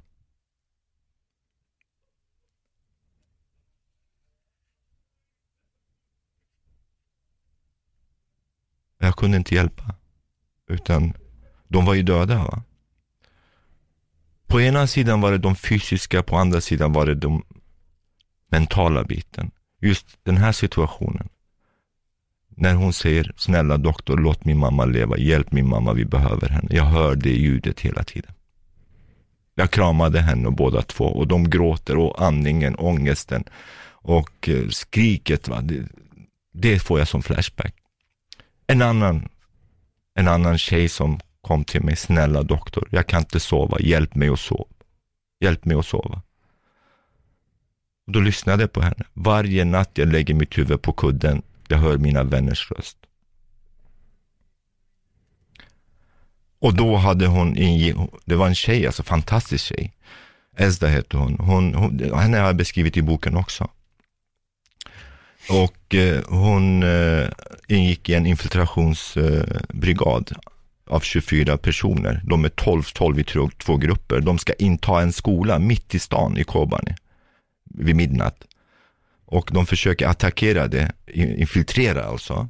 Och det de inte visste att de kommer att hamna mitt i en fälla av IS-terrorister. Vilket de gör också. och de, så fort de kommer in i den punkt de ska dit, de blir beskjutna av skjutvapen och eh, bomber och allting. Va? Och det hon berättar, de första raden, alla dog på en gång. Men de tre, fyra som var före henne, de var skadade. Och hon var inte skadad. Hon försökte hjälpa väninnan framför henne som var nere i golvet skadad. Dra mig, snälla dra mig Ezda. Medan hon drog henne så blev hon beskjuten av tre skott själv. Och hon ramlade också. Hon kunde inte hjälpa dem längre. Och hon försökte dra sig tillbaka. Hon försökte hjälpa men det gick inte. Ena sidan fungerar inte längre. Hon måste hjälpa sig själv. Och då skriker hennes vänner, som fortfarande lever, som vet att Ezda försöker dra sig. Ezda, Ezda, lämna oss inte. Snälla, hjälp oss, dra oss också. Och hon kan inte, hon måste dra sig själv. Och det skjuts bomber hela tiden. Fram tills deras ljud försvinner. Och det är, det är rösten deras vänner, varje natt hon lägger huvudet på kudden. Snälla Ezda, dra, hjälp oss, lämna oss inte. Vi har behandlat henne, KBT, medicinering och sömntabletter i mer än tre månader. Vi hjälpte något. Hon sa till mig att hon sover något, någorlunda bättre. Hon lever fortfarande, hon blev skadad en gång till senare. Men hon lever fortfarande så, så vitt jag vet nu. Så att de sekvenserna, jag får ju, det, hennes berättelser får jag också som flashback. Jag får också mina, min dotters blickar när jag lämnade och min frus blickar när dagen jag lämnade skulle åka till Koban, de får jag konstigt nog som flashback också fortfarande. Trots att du är hemma? Trots att jag är hemma. Jag kommer ihåg vissa nätter, för att det var inte många timmar vi kunde sova. För att vi fick alltid, vi var ju ett mål själv. De attackerade sjukhuset flera gånger med bilbomber och de sprang in med, själva alltså med bomberna och försökte spränga sig. Vissa nätter, ovissheten, jag vågade inte sova. Jag, jag trodde att jag kommer att bli tagen i sömnen. Inte bara jag, många av oss. Och eh, jag låg där och många nätter, det fanns en spricka, några sprickor i taket. För att kunna glömma saker och ting, som en meditation bara. Jag följde bara sprickan. Sakta men säkert varje detalj av sprickan. Jag kan rita den nu, alltså hela den där sprickan. Jag följde den hela vägen. Konstigt nog, hela den vägen följde också mina barns blickar mig. Hela tiden. Och gråten föll. Jag kan tala om för dig, varje natt jag la mig så, vart det så. Vid minst tre tillfällen jag har beskrivit ena tillfället i, i boken, Kobani-syndromet, när vi blev omringade och vi blev beskjutna att eh, mellan klockan nio på morgonen fram till klockan halv åtta på kvällen. Där vi förlorade sex av våra kamrater. Eh, tre, fyra skadade. Det var bara typ två, tre stycken som inte var skadade. Eh, nu tappade ordet. Vad var det vi pratade om innan? Det spelar ingen roll. Det du är på väg till är, alltså jag är själv tagen och jag känner att ja. jag har gråten i halsen här efter vissa mm. av dina historier. Men ni blev omringade. Förlåt, vi väntar lite. Jag ska, måste komma ihåg. Mm.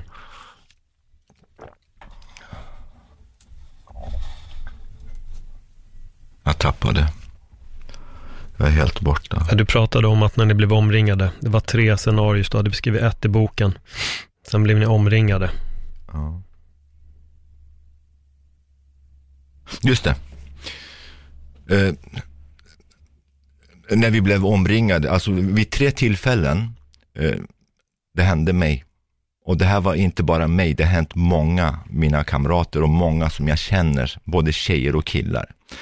För att jag kommer ihåg, jag sa till min vän, för, för, när jag såg att han höger om mig blir skjuten, vänster om mig blir skjuten, bakom mig som ligger i, i andra sidan som är död, vänster om mig som är död och Evin, eh, Eva, eh, en, en, en tjej som jag hade gjort reportage natten innan och vi sjungit tillsammans, blev levande tagen av IS eh, framför oss och drogs skadad och sen dagen efter hon blev skad, eh, slaktad. Va? Och där såg jag, då hade jag dödsångest och då visste jag att jag kommer att bli tagen. Va? Och när IS tar dig, de våldtar dig, de klipper dina naglar, de slaktar dig, de gör de mest brutala tortyrmetoderna innan de dödade, eller bränner dem på bur. Va? Och jag var ju mest intressant eftersom jag var utlänning, jag var ju deras läkare och de skulle gjort säkert succé med någon videofilm. Va? Kanske bränt mig levande på någon bur och skickat till Livelick och YouTube. Det skulle de ha gjort. Och det hade jag hela tiden i tankarna.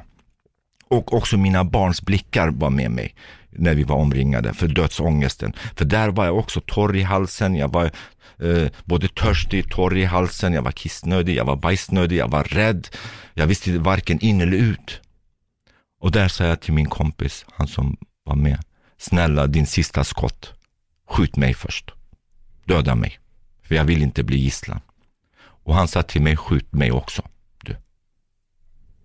Och det här är en scenario som, som hänt många gånger bland våra vänner. För de vill inte ta, bli tagna som gisslan. Många sköt sig själv, eller sista ammunitionen alltså. De kämpade till sista ammunitionen och sista kulan, de sköt sig själv. Eller varandra. Eller sprängde sig själva. För de är så brutala, omänskliga metoder. Och de kunde lätt kunna, kunna liksom dela det här på Youtube och Livelick och alla människor tittade häpet på det. Och ingen sa någonting, ingen gjorde någonting förrän IS-terroristerna började återvända. Förrän de började spränga i Belgien och Frankrike. Förrän de började terrorisera i sina ursprungliga länder.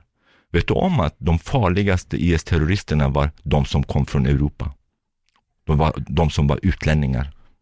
Ja, det, visar, för det var en, en grej som jag glömde fråga dig till. Vad, är det, vad, vad, tror du att det är som fick så många att söka sig till IS? Ja, alltså vi gjorde en liten undersökning eh, av eh, nästan 600 IS-terrorister som var eh, europeer.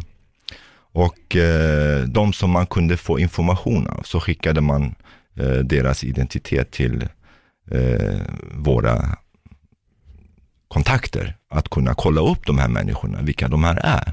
De information som vi fick, det var inte till alla, men till nästan 60 procent av alla vi fick information.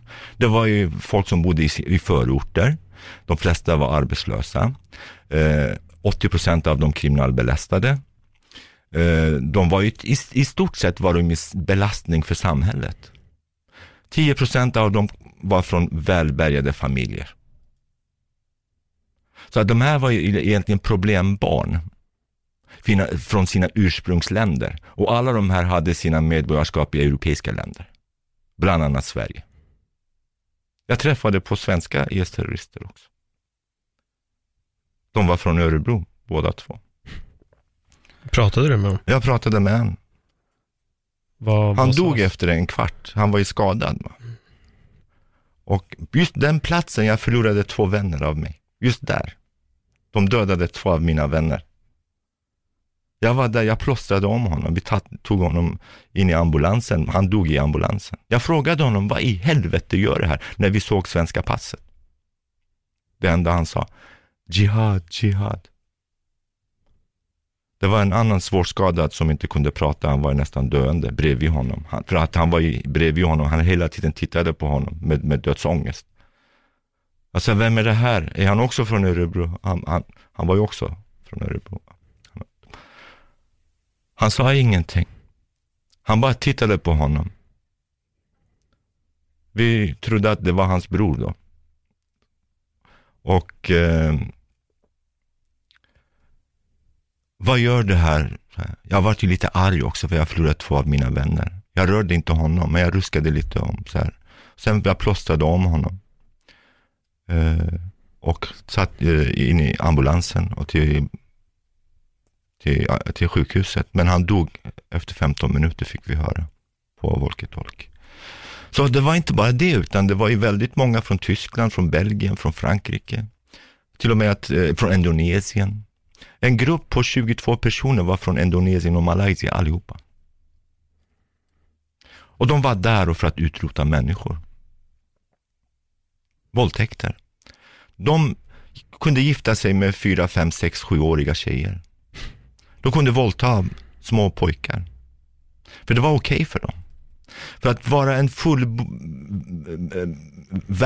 eh, IS-terrorist, då måste du döda sju personer. Av de sju måste du kunna hinna slakta en del också. då är du fullvärdig. Då pratar vi inte om emirer. Så nu har vi tillbaka 150 ungefär enligt Säpo IS-terrorister i vårt land, i Sverige. Vad är din tanke om det? Ja, det fruktansvärda är att, eh, att inte regeringen tog sitt ansvar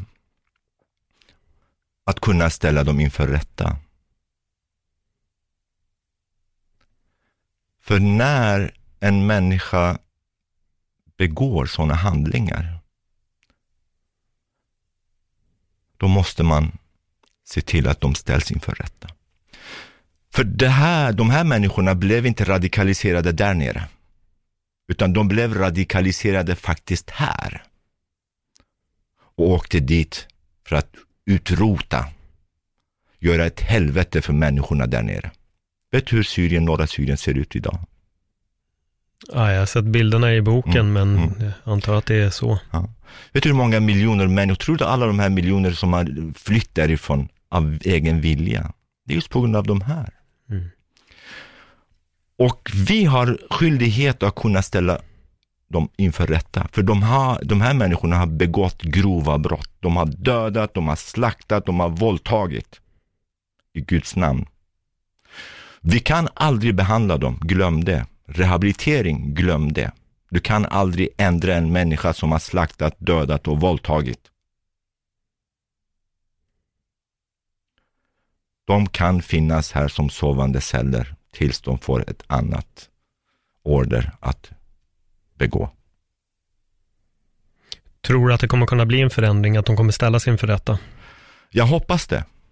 Men så som det ser ut just nu, nej. För det här har ju väckt väldigt mycket kritik ifrån folket. Ja, Jag har ju skrivit själv en del artiklar och jag har ju delat en del eh, saker som ty- jag tycker är väldigt viktigt att människorna och också våra politiker borde veta, just om de här, hur de fungerar. Jag har försökt beskriva vad de är kapabla att göra.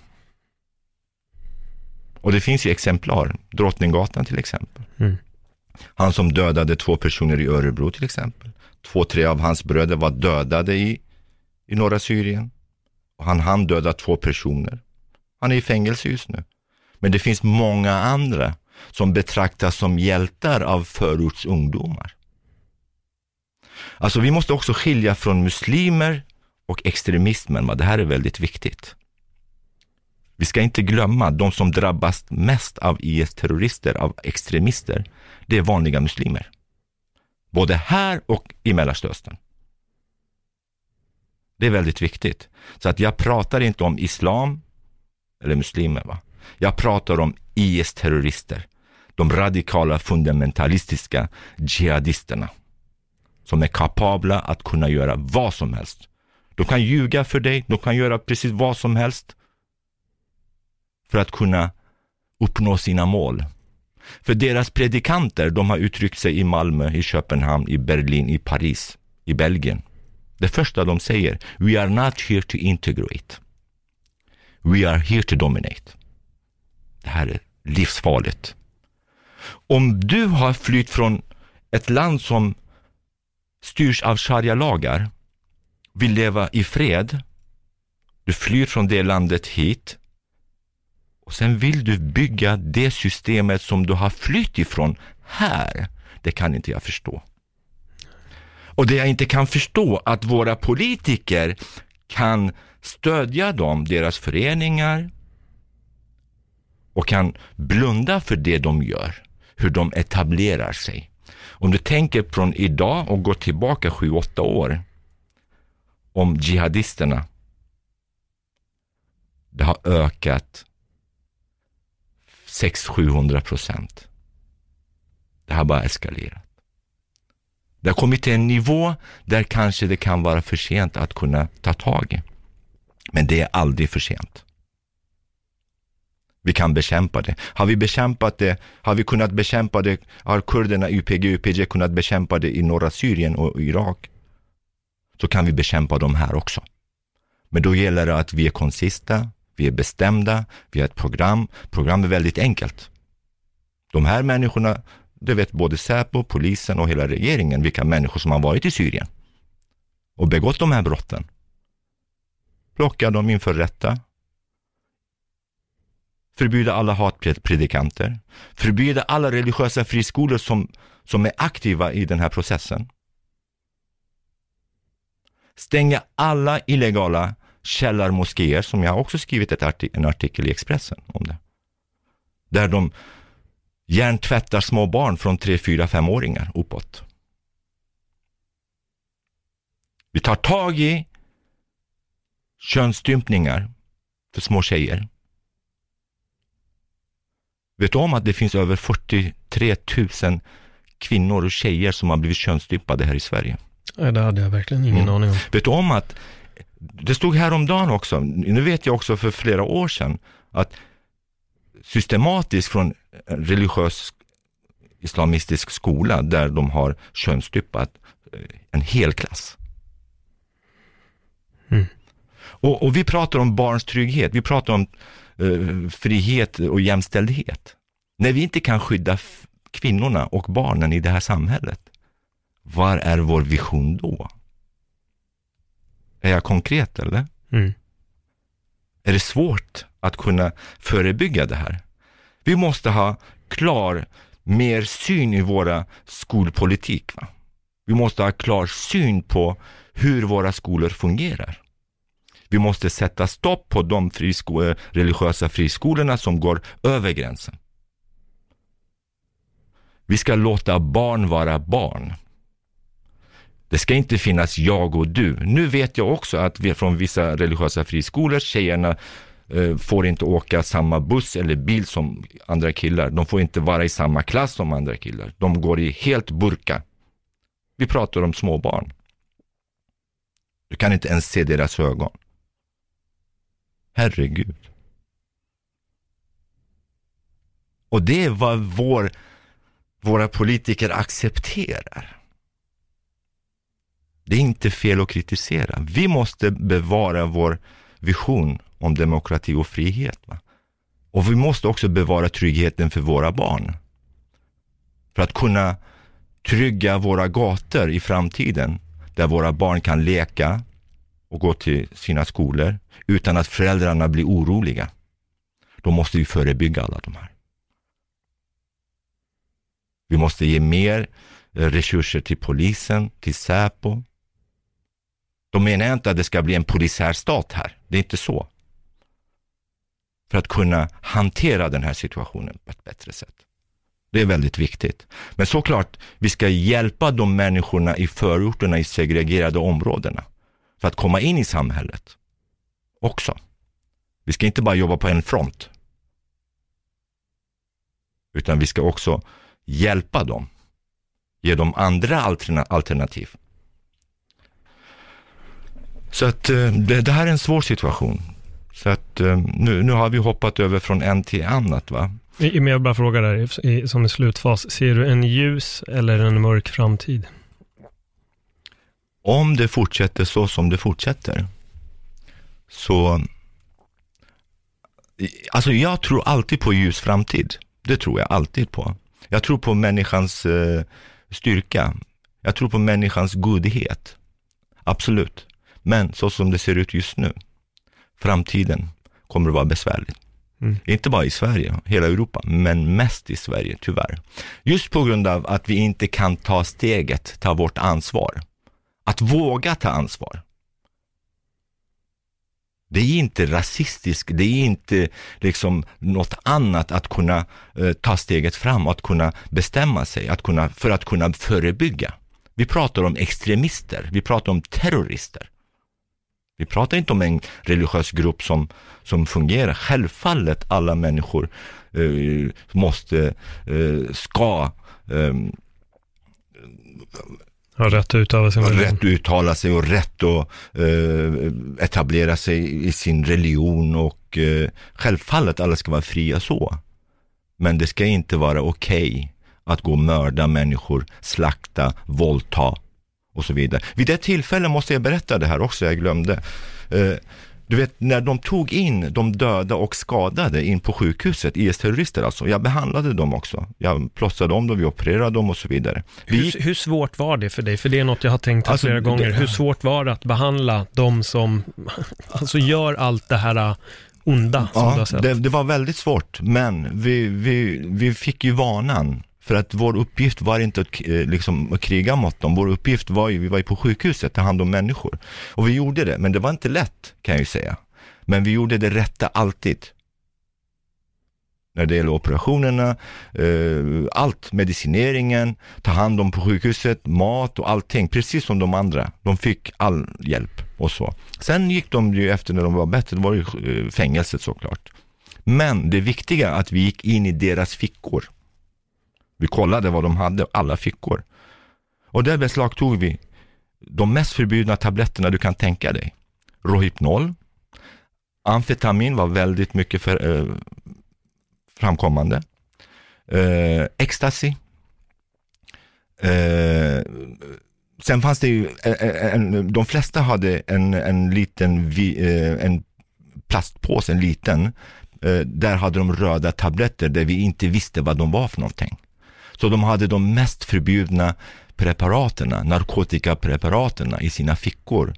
För det var därför, vid ett tillfälle till exempel, att en, en, en, en IS-terrorist hoppar från tredje våningen med bomber på oss. När vi har båren, vi ska gå och hämta skadade.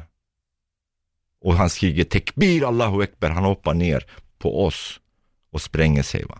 Men vi springer iväg, två av oss blir skadade, vi plockar hans huvud 200 meter därifrån. Hur kan en människa göra så om inte du tar narkotika? Narkotika är ju högst förbjudet. Och I religionen. enligt dem, Mm. men det är ett lögn. De, hade, de flesta av dem hade det. För vi har ett lager i Kobani, det är öppet. Journalister kan gå dit och eh, få tillstånd att titta. Där vi plockar, allt finns där. Tusentals. Ifrån tusentals IS-terrorister har vi plockat i deras fickor. Det, fin- det fanns alltså IS-terrorister från över 110 olika nationaliteter, kan du tänka dig, i området. Det är galet. De döda liken som jag pratar om i Kobani, som i början, de första två, tre månaderna, som blev plockade efter tre, fyra månader, efter Kobani blev befriad, för de rensade och, och för att eh, förebygga epidemier och sånt. Första dagen jag var med dem, kommunens eh, personal, och de ringde mig, de sa kom och vi ska börja plocka. Och då gick jag, de första två timmarna, jag var bara med två gator. Då var det lastbilar och vinschar och, och människor med spadar och med eh, munskydd och allting, plocka i likarna. Första två timmarna plockade de över 214 lik i lastbilar för att gå och begrava dem. Bara från två gator. Kan du tänka dig? Och vi pratar om människor över, över 40-45 olika nationaliteter. Vad gör de i Kobani? Det är vanliga muslimer som bor där. Det fanns inga ateister där, det var ju vanliga muslimer. De flesta av dem var sunnimuslimer också. Och sen, tekbir Allahu Ekber, du dödar ju muslimer. Vilken Gud säger det? Och de, de här, de mest, det är därför jag säger de mest farligaste av IS-terroristerna var utlänningar. Det var utlänningar som styrde lokalbefolkningen. Som tog till vapen, som var med dem också. Så jag vet inte om du fick lite svar. Men, men vad är det som gjorde just Kobane så speciellt? Varför var det en sån viktig punkt? Eh, I Kobani fanns det ju eh, kurdiska, mm, många kurdiska civila, men de som var kvar i slutändan, det var knappt tusen personer. Det var ju deras kämpaanda. De ville till slutändan, till och med eh, även döden kommer, inte lämna. Utan de bekämpade. Sen fick de också hjälp av USA självfallet, med flygangrepp och sådär mot IS. Eh, den beslutet kom lite sent, men det kom. Då fick de stöd av eh, USA och flygbombningar eh, och så vidare. Och det var ju stort hjälp då. Då fick, vi, fick de lite vapen också. Och så fick de också hjälp eh, från andra kurdiska ungdomar från olika länder. Framförallt från Turkiet, Iran och Irak. Så kom de och stödde eh, de kämp eh, kämparna i Kobani. De sprang precis som mig i gränserna. Kom in och så hjälpte de och så vidare. Det var ju kämpaandan och det var ju kvinnorörelsen, kvinnouppväckelsen kan jag ju säga. Som, som stödde sida vid sida vid alla män och bekämpade. Eh, det var kämpaandan och, eh, och eh, glöden för att kunna leva ett bättre liv utan terrorism tror jag att övervann det kriget på marken mot IS-terroristerna. Och kan vi göra det där nere i Kobani, så kan vi göra det här. Mm. Mm. För det, eh, jag menar, eh, som sagt, vi ska inte säga vilken färg du har, vilken etnicitet du har, vilket språk du har, vilken sexuell läggning du har. Vi ska krama varandra, vi ska tycka om varandra, hålla varandra i armen, solidariskt och kämpa och bekämpa alla de här extremisterna, oavsett vilket hörn de kommer ifrån. Framförallt IS-terroristerna, för de är en fara för samhället. Det ska vi inte glömma. Vi ska inte glömma hur kapabla de kan vara. Vi ska bara återta och gå och titta tillbaka. Vad de har gjort i Syrien och Irak. Det borde räcka. Hur slutade allt det här innan du eh, åkte hem sista dagarna i Kobane? Hur var det? Alltså jag hann ju bygga ett sjukhus och eh, en eh, rehabilitationscenter eh, då med hjälp av eh, kantonen. Och YPG hjälpte mig väldigt mycket också. Eh, det tog ju en del månader tills jag lyckades med det, men också med hjälp av hjälporganisationer, framförallt kurdiska Röda halvmånen. Och eh, det finns en kommitté här i, i, i Sverige, Rojava-kommittéerna. Och eh, en del andra eh, humanitära organisationer runt om i världen, de hjälpte oss ekonomiskt och materiellt. Så vi kunde, materiella kunde vi smuggla in i resväskor eller smugglare från eh, både Irak och, och, Syrien och från Turkiet. Då. Så vi, vi fick ju all eh, equipment in i sjukhuset och rehabilitationscentret där jag hade sju stycken behandlingsrum. Eh, där jag utbildade eh, väldigt många eh, undersköterskor och sköterskor som kunde också hjälpa mig som sjukgymnastassistenter. Över nästan, I början var det 12 stycken, sen utökade det till 60. Så att eh, med, med, med, grundläggande anatomi och fysiologi och praktiskt läggande arbeten, då hur man hanterar eh, patienter och så vidare. Där fick jag väldigt mycket hjälp av dem. Då tog vi emot mellan 110 och 130 patienter varje dag. Om du räknar per år, utan någon dag ledig, hur många patienter det blir i två år. Jag hade över 46 000 patienter. Det finns ingen som kan hantera det. Då var jag inte bara sjukgymnasten, utan jag var läkaren, jag var psykologen, jag var farmakologen, alltså apotekaren, jag var psykologen, jag var ju allt det. Jag var ju deras vän. Och jag var ju deras musiker också. Det var inte bara behandlingen, för behandlingen var i dans och jag sjöng för dem. Ibland kunde jag gå till en behandlingsrum, bara tog min instrument och hur mår ni? Så tog jag min instrument och började sjunga tillsammans med dem. Fast de är paralyserade, ändå kunde de sjunga med mig. Så det var ju, jag använde alla mina metoder. Vid ett tillfälle, det här är väldigt viktigt, i första fronten, vi, för ett an, eh, annat ändamål, vi åker med bil eh, till, eh, med vakter till en annan stad, vi ska hämta lite mediciner. Och får vi från walkie-talkien, walkie-talkien har vi eh, kontakt från 80 kilometer från alla, alla håll. Och det punkten som behöver ambulans akut, det var nära oss. Och ambulansen, för att nå dit, det kommer ta 20-25 minuter, men om vi åker, då är vi där om fem minuter. Då hade jag med mig min första hjälp, ryggväskan, och den väskan kan hjälpa minst 10 personer skadade. Gravskadade så att säga. Och då vände vi direkt, för då visste vi att ambulansen är ganska sen. Eh, och vi körde dit till första fronten. Och där är ju kalabalik, alltså bomber, explosioner. Det är väldigt nära håll mellan IS och eh, våra trupper, UPG och UPG, det är ungefär 50-60 meter. Man hör deras röster alltså. Bomberna och du vet, det är kaos i, i hela området. Och så fort vi kom ner och sprang vi hukande och då går vi till platsen eh, där det är första fronten. Eh, jag ser en tjej som är skadad blod och så går jag till henne och hon bara nej nej doktor gå, gå till min kompis, gå till min kompis. Det är flera stycken på marken, men den där kompisen som hon pekar, han, har redan, hon är, han är borta redan. Så går jag och tittar på pulsen, han har svag puls, ingen andning, han har svalt tungan och jag försöker ju Eh, hitta laryngoskop det, där man frigör luftvägarna för att eh, frigöra tungan så att man får öppna luftvägarna. Och jag hittar inte laryngoskop, jag hade inte det. Och jag försöker titta på skalpell ifrån min väska, jag hittar inte det heller. Ett rör i det, hittar inte det heller. Så att jag helt plötsligt då skriker, jag har inte mer än två, tre, max fyra minuter och han har ju svimmat till, eh, eh, jag frågade henne en minut sen innan jag kom då och då är jag där, då har redan en minut gått. Då har jag max två minuter på mig. Då skrek jag, ge mig en kniv, någon, eller och en penna. Eftersom jag har inget rör heller, va? eller en slang. Och helt plötsligt en soldat gav mig en stor kniv. Och jag tog kniven, eh, eh, tvättade med eh, eh natriumklorid och, och eh, desinfekterade den. Och så fick jag en penna också, tog, öppnade jag pennan och så kastade jag allt som var inne i pennan, tog jag baksidan, röret.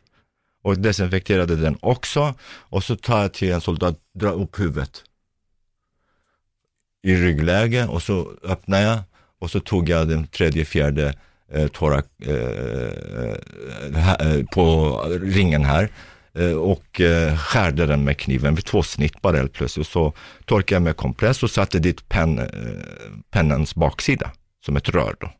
Så satte jag lite kompress och tejpade fast den där. Och så han höll fast huvudet medan jag gav eh, hjärt och lungmassage och började trycka. Ett, två, och fortsatt, fortsatt. Och helt plötsligt, puff, luften kom. Han började andas. Han kom tillbaks och sen frigjorde tungan också, men det var kvar. Så öppnade vi infarter, gav vi första all medicineringen, injektionerna och sen satte vi in i ambulans och skickade honom till sjukhuset.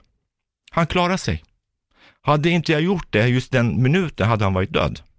Så att i krig man använder alla metoder för att kunna hjälpa människor. Men sen efter tre månader, eh, du vet det finns ju aha-upplevelser också där. Va? Det, det som gör att man blir starkare och jobbar ännu bättre och ännu mer. Det som gjorde att jag stannade där kvar. Va? Det här var ju en utav dem. När vi är på sjukhuset helt plötsligt kommer sjuksköterskan, doktor, doktor, vi har besök. Då går jag, tittar på besöksrummet och helt plötsligt ser jag just den där killen som jag räddade livet på. Med penn baksidan.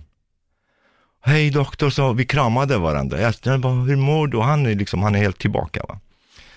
Eh, det är bra, tack snälla, du har räddat mitt liv och sådär, du vet sådana där saker. Det var, det var känslomässigt, till och med tårna lite rann och sådär från mig. Och helt plötsligt han tar från sin ficka den pennans baksida.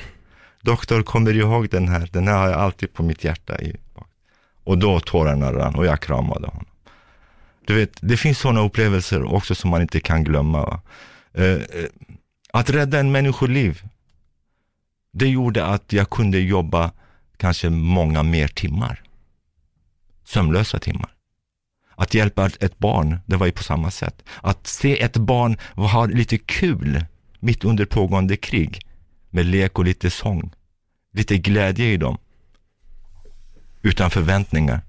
Det var också livet i sig. Det var där jag lärde mig hur livet egentligen är, vad meningen med livet är. För meningen med livet är när vi bryr oss om varandra, när vi hjälper varandra utan att vi förväntar oss någonting och när vi älskar varandra mot ondskan och solidariskt tillsammans håller varandra i handen och kämpar emot ondskan.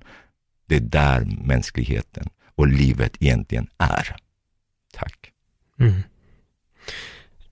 Jag har bara en sista fråga och det är hur, hur var dina känslor när du kom hem och fick träffa din fru, barnen?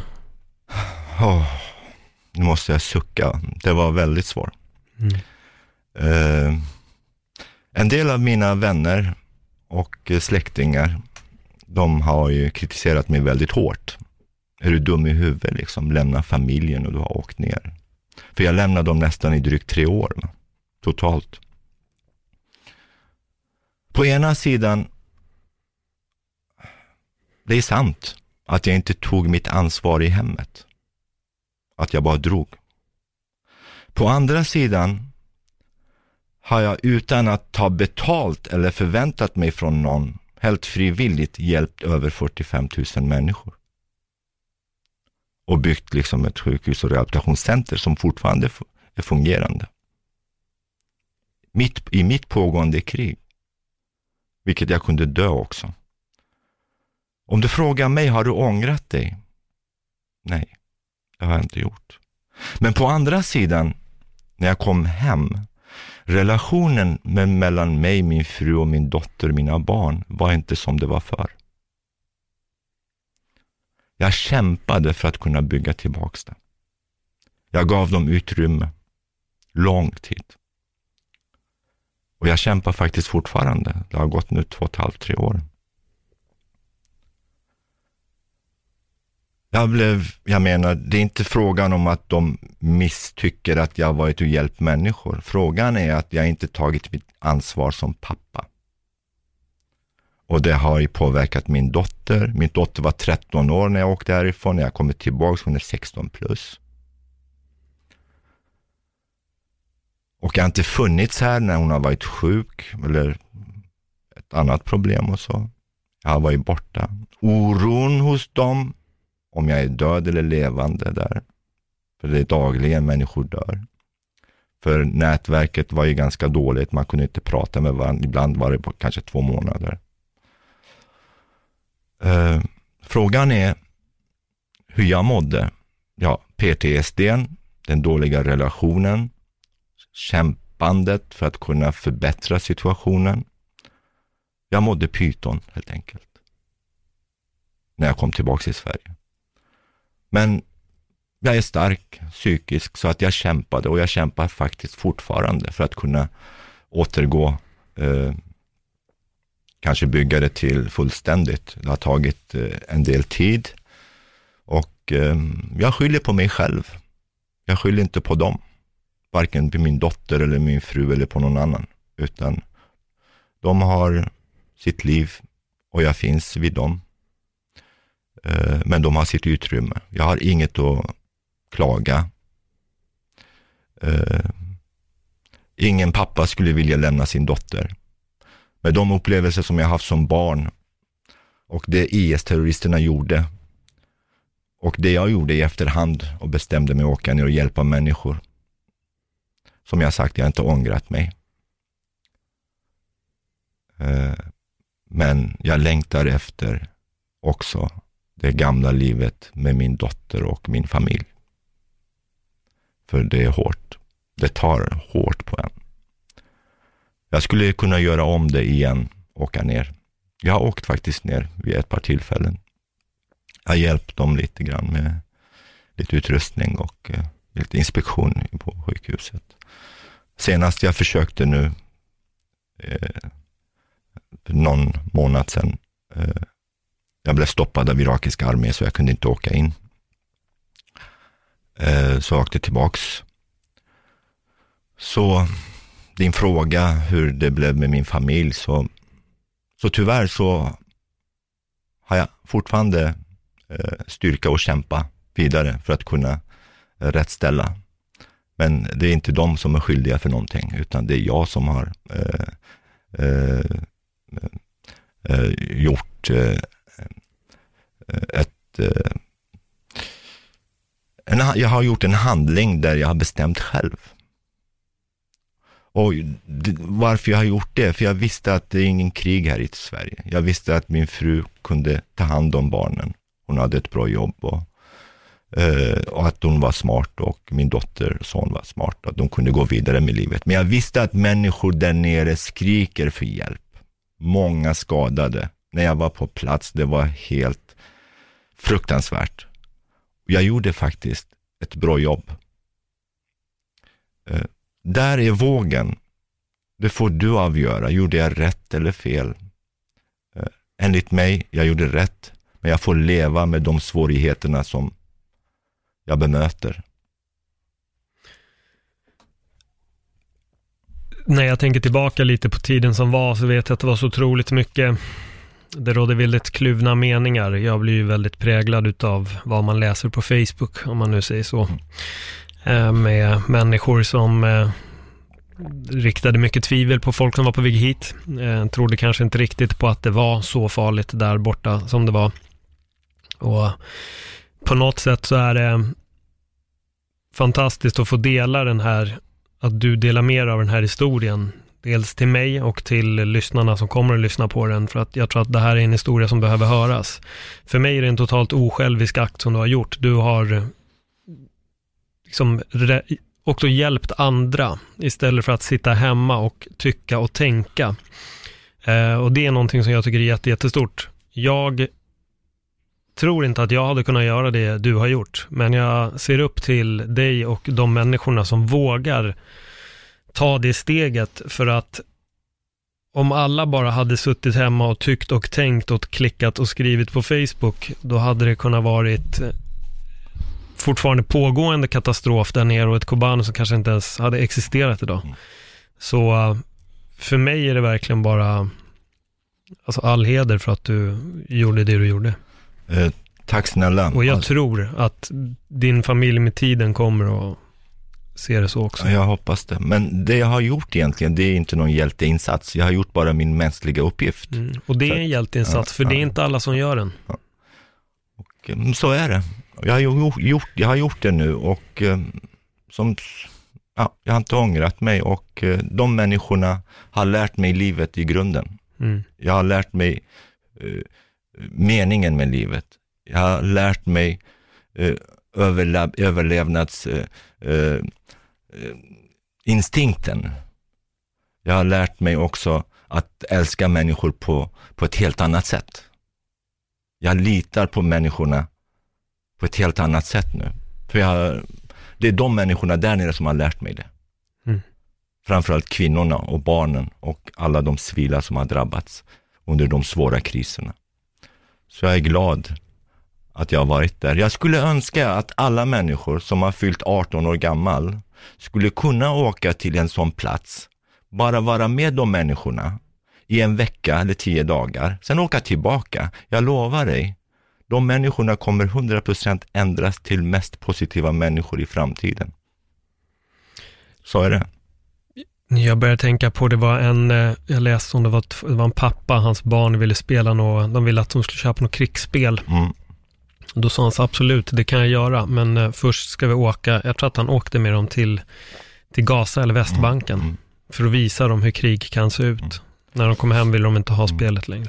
För det är inte som man ser på filmer. Nej. För i filmerna, man har det kul, action. När man är på plats, som jag sa, då har du dödsångest. Då vet du att vilken sekund som helst, du kan dö, dina vänner, dina närmaste. Jag förlorade nästan 90-95% av alla mina vänner. De som var kvar, en del av dem har begått sitt liv. Min bästa kompis som har jobbat med honom 18 månader, efter när jag lämnade Kobani, två dagar efter. Han ringer mig genom WhatsApp. Nu har du lämnat oss också. Då pratar han, var är han, var är han? Han namngav vissa kompisar, våra gemensamma kompisar. Vilket som, vilka som har blivit mördade av IS då. En del av dem blev slaktade, va? blev tagit som gisslan. Och det var våra gemensamma kompisar. Han började liksom halvgråta och prata om dem. Nu lämnar du oss också, vad gör jag? Jag sa, du är stark. Fortsätt med det, jag kommer tillbaks. På kvällen klockan 11 ringer en annan kompis mig. Han har gått ut från sjukhuset på gården och skjutit sig själv med pistolen. Morden. Och honom har jag beskrivit också i boken. Har du haft de tankarna själv någon gång? Många gånger. Eh, varför lever jag? Varför måste jag leva? Eh, haft väldigt många gånger. Men eh, som sagt, medicineringen och eh, eh, min nätverk och arbetet och aktiviteterna, att jag vågar berätta det har hjälpt mig tillväga, att jag kan stå på mitt, mina ben, kan fortsätta mitt liv. Jag har haft många gånger. Så att, eh, och jag är lycklig lottad som jag sagt. Jag kanske olyckligt, vet jag inte. Men det finns miljoner människor där ute som inte har den här hjälpen. Som inte ens kan prata om det. När de, deras skal spricker, det är då kommer vi märka i vårt samhällssystem. Det är då det kommer att påverka otroligt negativt. Mm. Jag håller med dig, folk måste våga prata. Jag, jag uppskattar som sagt jätte, jättemycket att du har delat med dig av den här historien. Jag kan säga att det är några gånger då jag bokstavligen har suttit med verkligen gråten i halsen. Eh, det här har varit ett ganska jobbigt avsnitt och jätteviktigt. Um, jag kommer länka till, till din bok i, i bion, så om ni vill läsa Kobani-syndromet utav Dorpe Kobani så kommer ni hitta länken i, i bion. Om du har en eventuell hemsida så länkar jag jättegärna till den. Ja, vi har också. ju en sida på Facebook som heter Kobani-syndromet. Mm. Och sen har jag en, en privat, min egen sida som heter Dorpek Kobani. Mm. Eh, och är också på Facebook. Så att eh, det skulle bli bra om du mm. länkar dit också. Jag länkar till, jag mm. länkar till allt. Mm. Återigen Dorpek, supertack för det här samtalet. Det är, mm, fan alltså, det är saker som börjar sätta sig i ett helt annat perspektiv efter att ha lyssnat på, på din berättelse. Och jag är övertygad om att det här är en historia som kommer att påverka många. Och jag vet att du redan har påverkat många med, med dina egna föreläsningar också. Tack snälla och jag hoppas att eh, den här informationen tas, tas på allvar. Som jag sagt, de här människorna, de här monstren, de är kapabla att göra precis vad som helst. Så att det är viktigt, det här har jag tagit som vision. Att berätta mm. till alla människor jag kan komma åt. Tack. Tack så jättemycket.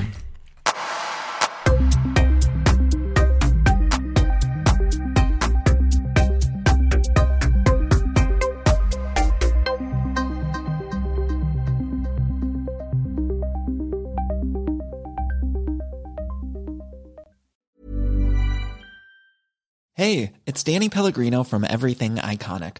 Ready to upgrade your style game without blowing your budget? Check out Quince. They've got all the good stuff shirts and polos, activewear, and fine leather goods, all at 50 to 80% less than other high end brands. And the best part? They're all about safe, ethical, and responsible manufacturing.